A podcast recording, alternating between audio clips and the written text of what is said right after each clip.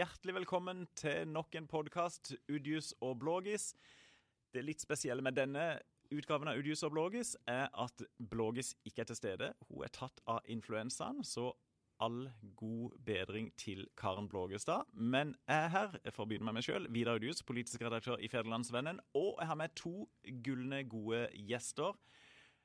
Kunne begynt med kvinnen først, men det, snedig, snedig som er, så begynner jeg med sjefen først. Sjefredaktør Eivind Jøstad, velkommen. Tusen takk.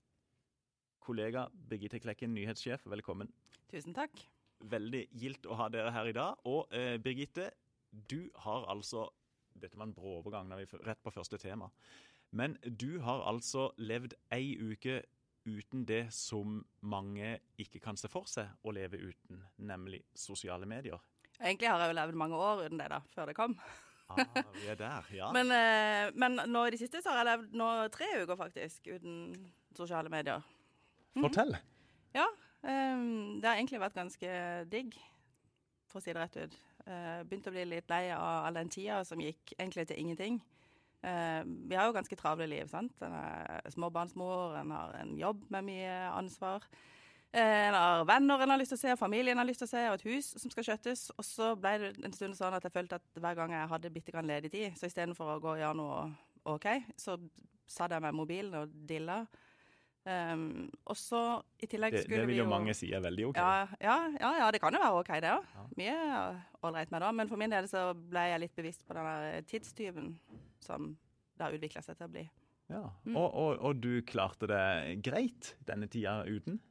Ja, jeg syns egentlig det har gått ganske greit. Jeg tenker litt på det, men jeg tenker mindre og mindre eh, på det. Men um, så blir det litt trøbbel innimellom. Sånn som i går, plutselig, sant? så skulle dattera mi av gårde på teater, og gikk glad og fornøyd av gårde. Og så etter et kvarter så kommer hun grinende tilbake, for det var ingen der. Og da var alle sammen på eh, en forestilling i byen, og det hadde de informert om på sosiale medier, på Facebook. Og det har jo ikke jeg sett. Ja, Så det er litt sånne greit. ting eh, som, det- Praktiske utfordringer. Og, og, og sånn sett så har vel eh, i forhold til sånne arrangementer og alt mulig som skjer både i vennekrets og klubbsammenheng og alt mulig, så er det jo ofte via f.eks. Facebook da, at en blir informert, er det ikke det? Jo, og det er akkurat det jeg går og grubler litt på, åssen jeg skal gjøre. Om jeg skal ha en sånn For jeg skjønner at som journalist så må man faktisk være der.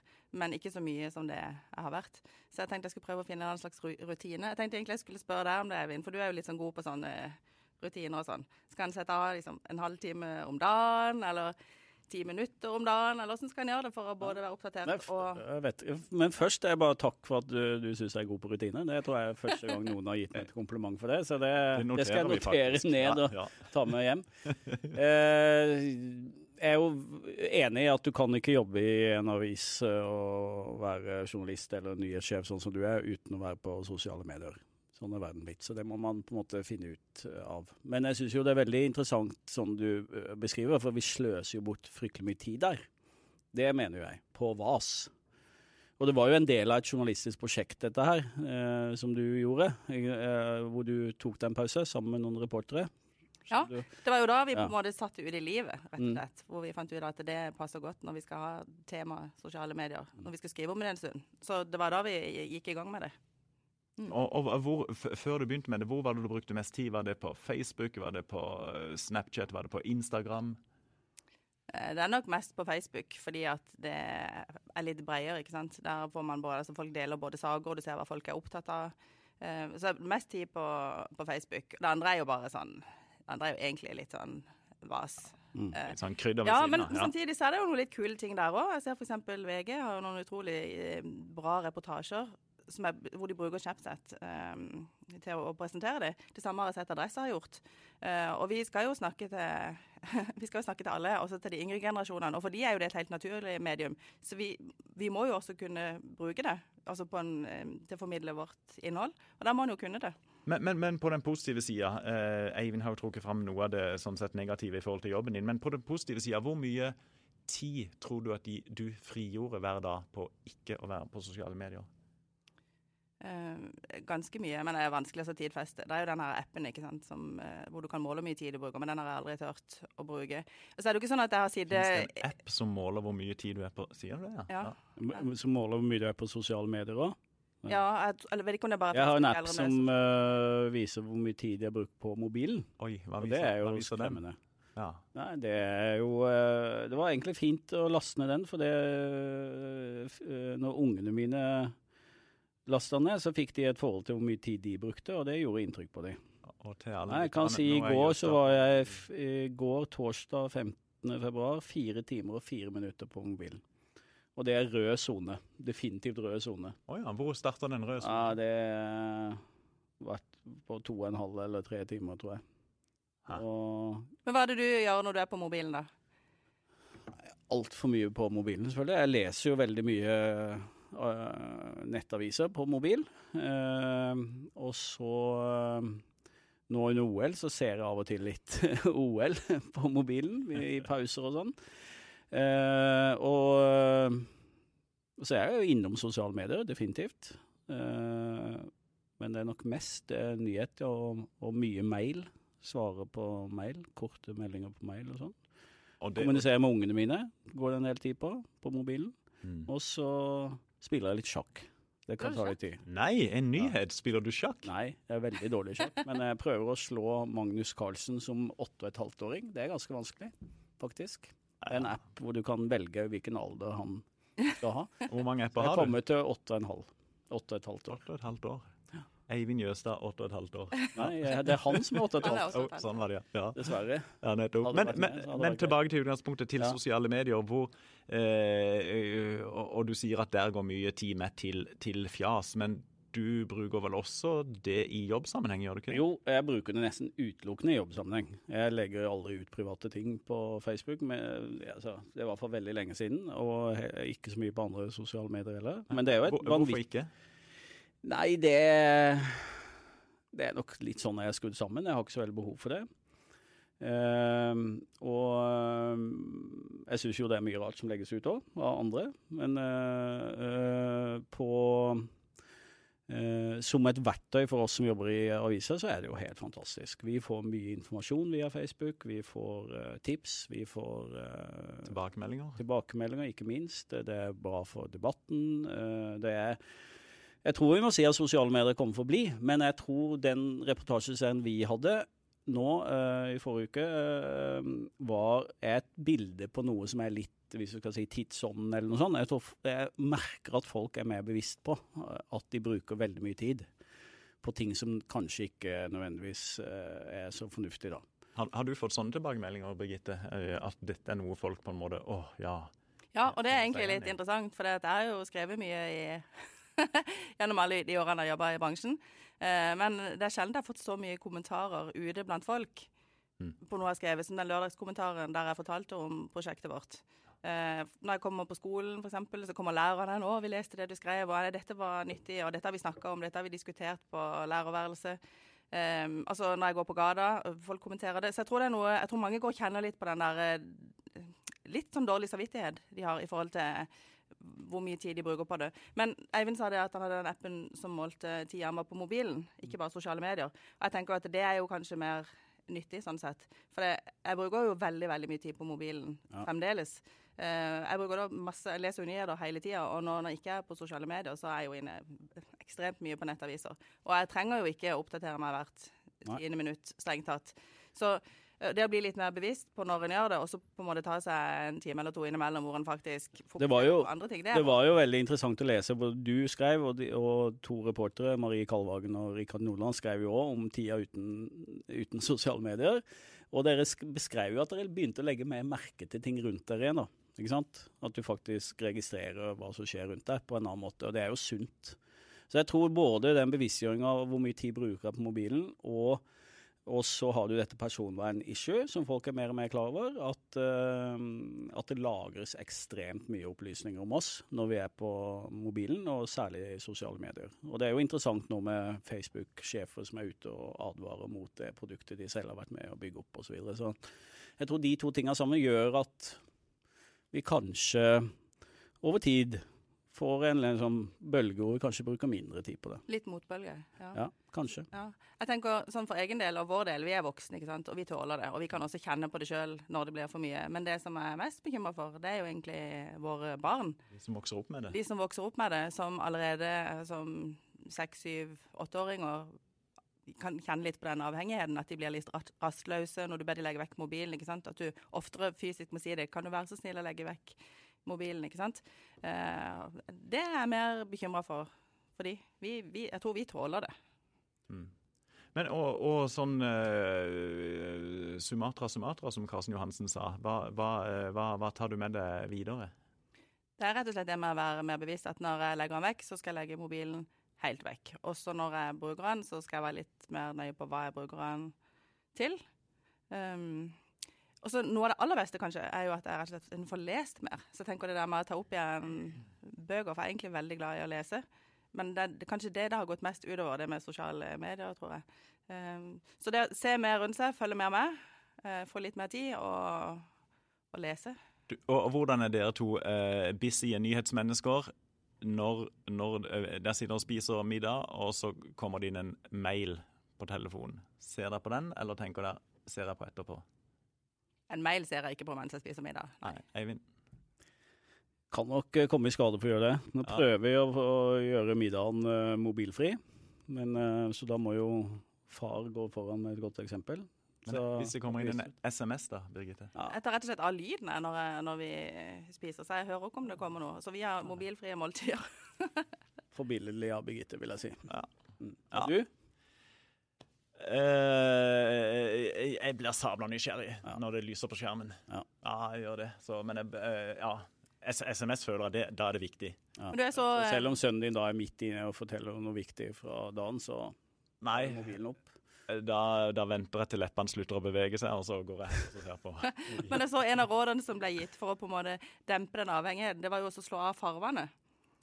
For farver er jo noe av det som gjør at vi blir tiltrukket av, av skjermen.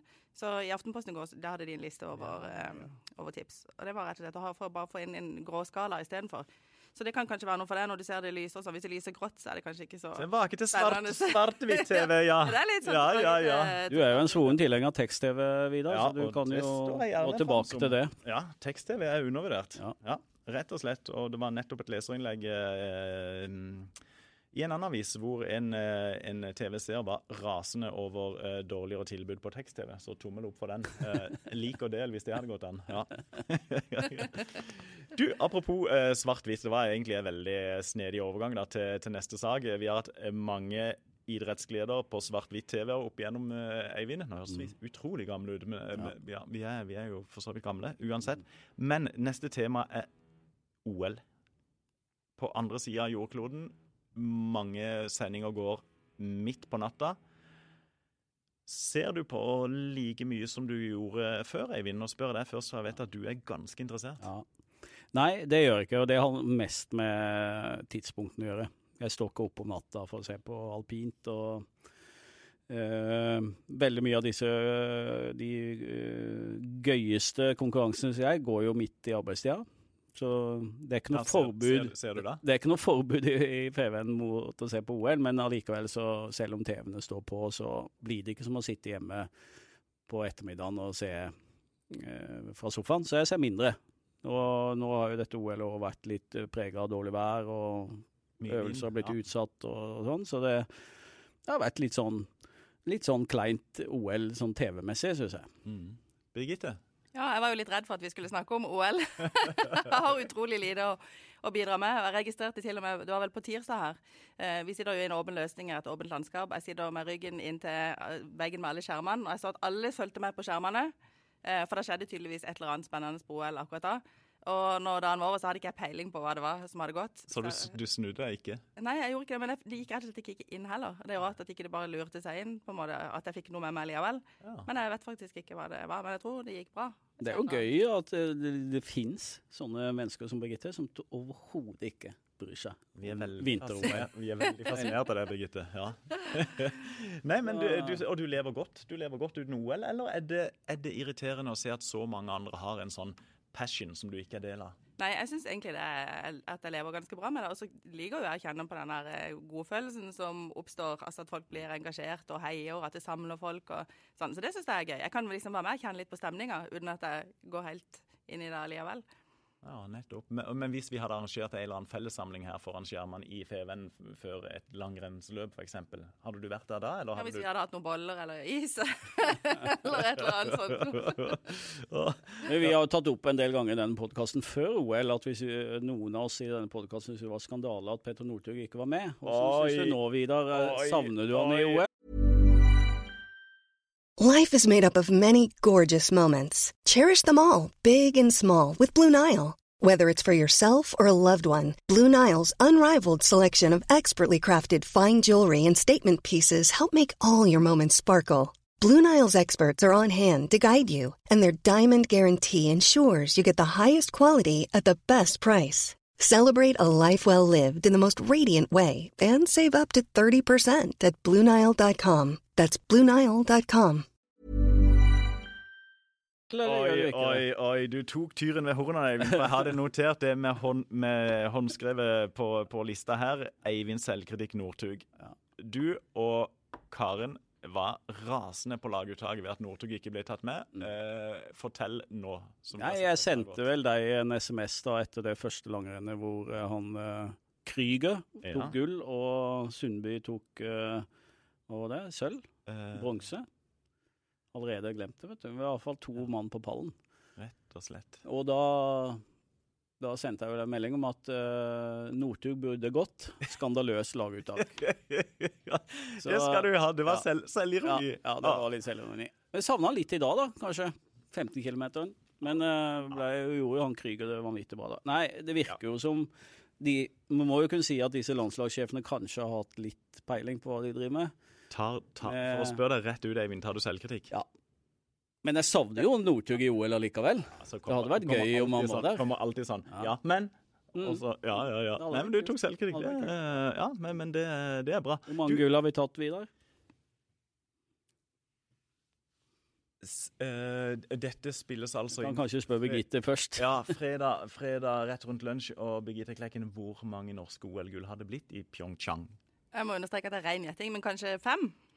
Ja, jeg vil mene seks. Eivind Fasit. Ja, nå må vi ta da. Er det jo Krüger, Haga, Bø. Hun der eh, hopperen uh, Maren Lundby. Ja, ja, ja visst. Det var jo kjempegøy. Fem. Og Svindal. Svindal. Jeg tror, jeg tror, vi er der. Seks gull. Rett og slett. Og hvem leder? Iallfall leder per kvelden før. Antall gull? Ja. Er det Tyskland, tro? Ja. Det er Tyskland, men vi har flere medaljer totalt sett enn ja. selveste Tyskland. Ja. Ja, du, ja, du, du gir det over i begeistring. du, vi må ha, du trenger ikke det. Eller forresten, Birgitte, har du ett OL-minne sånn som du husker tilbake? sånn, Det var gøy.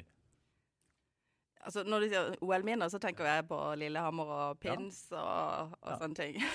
det var jo litt pins, gøy å samle på pins. ja, ja, ja, ja. Det er ditt, ja, men det er ditt beste OL-minne. Eivind, ditt beste OL-minne? Jeg tror det er Bjørn Dæhlie, Nagano, femmila. Nettopp. Ja. Ditt? Ja, det, det, er, det, er, rett og slett kors på Lillehammer. Ja. ja. Rett og slett. Ja, okay. Å, fantastisk. Ja. Ditt verste OL-minne, Birgitte? OL uten pins. Nei, det tror jeg faktisk var Vi var jo på Hovden da, altså under OL på Lillehammer, så jeg var jo ikke og så det. Men da hadde jeg en kjæreste som var ekstremt opptatt av det. Eh, og vi har jo ikke TV der. Sånn. Og vi har veldig dårlig dekning, så det var jo liksom å høre på, på radioen ja, ja, ja, med, veldig, med, som, som falt, ut og, falt ut og inn. Mm. Eh, så jeg tror kanskje det var stemninga da, når det skjedde noe spennende som ikke han fikk med seg. stemninga på hytta. ja, sier du det, ja. Ja, Sterke inntrykk. Ja. Eivind, ditt verste uh, OL-minne? Vi samler jo ikke på dårlige minner, da. Men jeg husker jo veldig godt uh, tilbake før den uh, Eh, revolusjonen i Norge, det var jo i 92 eller noe sånt, vi kom, begynte å ta gull. Mm.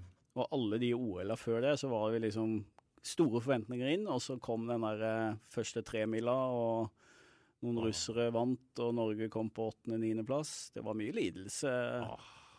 På 80-tallet. Ja, Den der eh, OL-floka er jo litt sånn dårlig minne. Folk i stygge klær, sånn, sånn gult og grønt og rødt som hoppa opp og ned og sang. Eller ja, OL-floka. Men litt gøy òg. Ja. Men det kjipeste av alt, Geir Karlstads fall. Ja, det var ille. Det var ille. Det, jøye meg, altså. Jeg holder på å grine ennå når jeg tenker på det der. der. Uh, ja. Denne staven som knakk, var det OL? ikke helt. VM i Oslo Ja. i 82.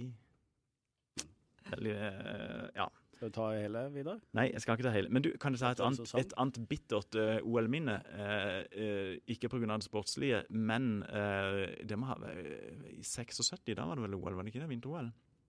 Da var jeg elleve år, gikk på Vågsbygd barneskole, og så var det altså én i klassen som hadde med seg radio. Eh, og så tok han bare med seg to stykker, og så løp de av gårde og hørte på OL og stengte ute oss andre. Det, det sa de lenge for, for alle oss andre som ikke fikk være med på det. Men nok om det. Ja. Punktum for OL til din store lettelse, Birgitte. OK. Ja, ok. Ja, vi går videre. Tredje tema, eh, som også egentlig har litt med det første temaet og det andre temaet å gjøre, nemlig sosiale medier. Eh, det er altså silodebatten som gikk inn for en foreløpig eh, landing eh, tirsdag denne uka med fylkestinget. Eh, som da eh, etter veldig mye om og men gikk inn for å bevilge de 25 millioner kronene til kunstsiloprosjektet, og dermed finansieringa, iallfall foreløpig, i boks. Men det har vært litt av en debatt så langt, og det kan sikkert oppstå nye, nye kruseduller i den prosessen. Eh, Et enkelt spørsmål til deg, Eivind. Hvordan vil du oppsummere det vi har vært igjennom? Ja, det er ikke enkelt uh, eller lett å svare på. Akkurat nå så er det jo sånn følelsen av nesten litt sånn etter et valg. Uh, liksom vi har Vi ser resultatet. Eh, så det er litt sånn Litt lufta ut av ballongen, litt sånn evaluere hva som skjedde, hva, hva, hvorfor ble det som det ble. Eh, men det var Men det er Jeg tror denne saken kommer til å leve i nyhetsbildet lenge. Eh, og det er en god del ting som må komme i orden før det eventuelt blir noe silo. Det er jo definitivt eh, riktig å kalle det en delseier for de som ønsker kunstsilo i Kristiansand.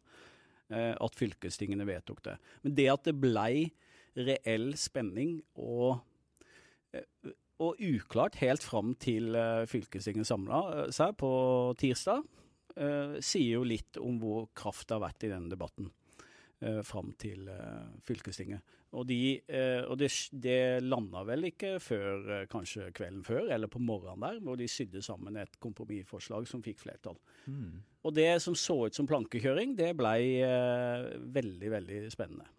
Det har aldri vært så mye spenning på et fylkesting i Vest-Agder noen gang, sannsynligvis. Det er ikke, eh, det er ikke hvert fylkestingsmøte vi gleder oss til. Vi hadde jo TV-sending derfra, og det var oppsiktsvekkende mange som satt og så på, på det. Eh, samtidig som det var OL. Klæbo og Klæbo, Ja. faktisk. Sprinten gikk samtidig. Og, Det var derfor ikke jeg fikk det med meg. Det- Det var det jeg sa til Det det, ja, og ja. det var altså mange hundre inne og så fylte vår TV-sending på det fylkestinget, og det er mange for oss.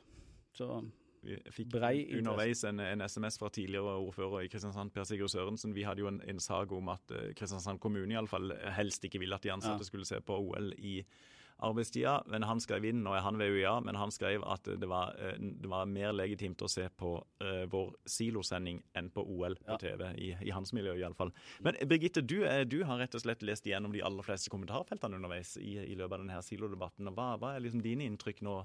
Jeg har jo hovedsakelig lest de som har gått på våre, på våre sider, da. Mm. Eh, det jeg kan si at den har jo blitt godt Jeg føler nesten den har blitt kjent med, med folk. For det, det har jo vært ganske mange gjengangere, da. Eh, og de er jo til stede på alle sakene vi skriver som har noe med kunstsilo å, gjøre. Um, de er også til stede på veldig mange andre saker som ikke har noe med kunstsilo å gjøre, men der de på en måte ser sammenhengen med kunstsilo. Eh, så jeg må si det har vært stor eh, Det har vært ganske underholdende til tider å, å lese kommentarfelt. Eh, og noen ganger så har det vært litt kjipt å lese de, rett og slett. For jeg syns det har vært mye tøffe beskrivelser av Altså fra de ulike leirene mot hverandre. Um, så jeg hadde nok kjent på det sjøl at hvis det var en sak som ikke jeg jobba med, men som jeg mente noe om, så hadde jeg kvia meg litt for å gå inn og skrive der, faktisk. Fordi at det, du må liksom tåle å stå i det, og du må tåle um, Ja, du må tåle litt tøff, tøff motstand som kan gå på deg som person. Eh, jeg tror aldri jeg har sett så, så, sterke, så mye sterke følelser i et kommentarfelt. Altså så mange, og så mange også. Mm. Er, er, det gjengs for de ja, altså, Eivind? Noen sier jo at debatten om kilden var enda, enda uh, mer tilspissa, eller at det var enda mer bråk der, sier noen. Jeg husker ikke, jeg kan ikke si om det er riktig eller ikke, men det som i hvert fall er tilfellet, var at den var ikke uh, så sterk i sosiale medier. Uh, og det er jo da, når, når Kilden-debatten raste, sånn som Silo-debatten har rast nå, det er da, la oss si det er ti år siden. Og da var ikke uh, Vi hadde Facebook da, men ikke på samme måten i det hele tatt. Så det er det nye her, at det er tatt ut på den måten i sosiale medier fra Silo-motstandere. Som, og vi har diskutert retorikken og sånn, og, og formen på den her tidligere òg, og den kan man mene mye om. Uh, men kraften i den har allikevel vært til stede. Så er det mange aktører her som har fått seg en lærepenge eller noe å tenke på uh, i forhold til hvor sterkt det blei. På fem-seks uker. Så klarte da en del veldig aktive motstandere av siloen, og skape tvil hos politikere, eh, føre til mye mer diskusjon. Det er jo bra. Eh, så det mest positive jeg vil si om den motstanden som har kommet opp, er at det har blitt stilt gode spørsmål, eh, og at man har fått kanskje en bedre politisk debatt av det. Og, og, det, og, eh, alle disse spørsmålene er jo ikke besvart ennå, og bl.a. så skal jo nå Kulturdepartementet vurdere om Eh, om de vil da godkjenne altså et låneopptak på 265 eh, millioner kroner. Eh, som jo blir spennende å se, og som vi da får se inn mot revidert nasjonalbudsjett i, i begynnelsen av mai, om, blir, eh, om det får grønt lys eller ikke eh, allerede da. Eh, og det var som en, som en, kollega her i redaksjonen sa i, Ida dag at for en verden det forrige jeg gleder meg veldig til, var et fylkestingsmøte, og nå er jeg veldig spent på revidert nasjonalbudsjett. Ja. Så det kan en Kanskje en litt nerduttalelse, men allikevel sier, eh, sier, litt. Det, mm, ser dere andre på en måte Er det det som er det neste nå, altså inn mot sentrale myndigheter og ser hvordan de vurderer dette prosjektet? Er det det som er liksom det neste knekken i, i, i denne prosessen eh, framover? Eller er det andre ting som liksom kan, kan, komme opp? Det kom jo veldig overraskende på oss også den store debatten som kom i forbindelse med Kultivas eh, beslutning. Men, eh, eller er det andre ukjente faktorer som kan på en måte plutselig slå inn, som dere ser det? Altså Det substansielle, altså, det re, altså hvis du ser helt sånn, nesten sånn realpolitisk på det, så handler det jo om økonomi. Å få finansiering i orden. Så der er jo det neste store eh, Om staten går med på dette her, og hvordan man får lånefinansiert bygget. Så skal det skje en god del ting rundt anbud på det bygget og sånne ting. Eh, men det viktige det, det er jo det kjernen er, det er økonomi. Er det, er det, penger til å forsvare og, og reise den siloen? Og drive den etterpå, selvfølgelig. Det var som da, da, noen spurte Bill Clinton etter at han hadde vunnet sitt andre valg i, i USA, og spurte han hva, hva, hva var grunnen, øh, og hvor svaret da var 'It's the economy stupid'. Så mm. ja. ja. Vi får følge, følge pengene her òg, i, i, denne saken òg. Helt på tampen av uh, dagens podkast. Vinterferien står for døra veldig kjapt spørsmål til dere begge. Eh, trenger vi vinterferien, Birgitte? Eh, det er alltid deilig med ferie. Det er jo det. Men det er litt utfordrende så, når eh, barna har fri og mor og far skal på, på jobb. Men et avbrekk det, Jeg syns det er deilig med vinterferie. Så kan folk, nå, nå er det jo så fine snøforhold òg, så man trenger ikke å reise av gårde for, å, for vinterferiefølelse. Det er skiløyper og eh, akebakker og alt er jo supre forhold. Det er jo til og med åpent i Tveit, leste jeg i Feven, mm. i skisenteret der. Det er jo fantastisk. Hva blir det neste gjenåpning av Byglandsfjord? Eh, ja. Eivind, trenger vi, trenger vi han i 2018? Jeg ville vel tatt høstferien før jeg tok vinterferien, hvis, skulle, hvis vi skulle redusere ferie. Jeg, til, jeg, jeg, tror fritid er bra. Eh, ref eh, første diskusjon vi hadde her, altså det å koble av litt. Uh, både voksne eh, Mitt inntrykk er at både voksne og barn har en mer sånn hektisk, eh, veldig sånn pakka dag, organisert. hverdag, organisert hverdag. Mm. Eh, så kanskje kan du snu på det og si at disse feriene er viktigere enn de var før, hvor barn hadde mye mer fritid. Eh, mitt inntrykk, da. Eh, tidligere, før mobiltelefoner og sosiale medier og før alt var gjennomorganisert, så hadde man hadde man fritid på ettermiddag uka gjennom. Nå er det jo liksom ikke en time fri for barn heller, har inntrykk av. Så da er det kanskje sånn sett Nå skal dere kjede dere ei uke. God ferie. Ja. ja. Ja, nettopp. kanskje. Og du? Du ville kanskje lagt Nei, jeg, jeg, jeg har aldri sagt noe negativt om fri eller ferie. Jeg tror ikke det. Nei. Så, eh, og jeg tenker litt i den store samfunnsdebatten òg, i forhold til hvor, hvor mye ja, hvor mye økonomisk vekst og hvor mye materiell velstand trenger vi sånn egentlig i forhold til å kunne veksle inn i litt fri òg. Da, da stemmer jeg på fri. Det gjør jeg òg. Fritid er bra. Mm. Tommel opp for det. Da Eh, tar vi helg, da. da tar vi helg. Eh, ved å fortelle hva vi skal gjøre i vinterferien. Eh, Eivind, store planer? Nei, ikke veldig store planer, men jeg skal nå gå litt på ski. Det er planen. Birgitte? Jeg skal faktisk en liten tur til Danmark med mine barn. Ja, så det blir vel noe sånn deilig badeland og, og noe sånn. Du tar ikke med skiene? Det, nei, og så- men så skal jeg jo rett og slett eh, jobbe etter helga. Klorferie, som vi kaller det. Hva kalte du det? Klorferie. Klorferie, ja. Du sa kroferie. Nei, men klorferie, ja. Ja. ja. Klor- og kroferie. Ja. Ingenting er som å senke seg ned i et Nei. stort badekar sammen med masse Lykke til med det. Masse andre, ja, rett og slett. Og for min del òg litt jobb og litt ski. Perfekt. Ja. Og med de koselige ordene så sier vi takk for oss i denne runda. Udius og Blågis kommer snart en ny utgave. Ha det godt.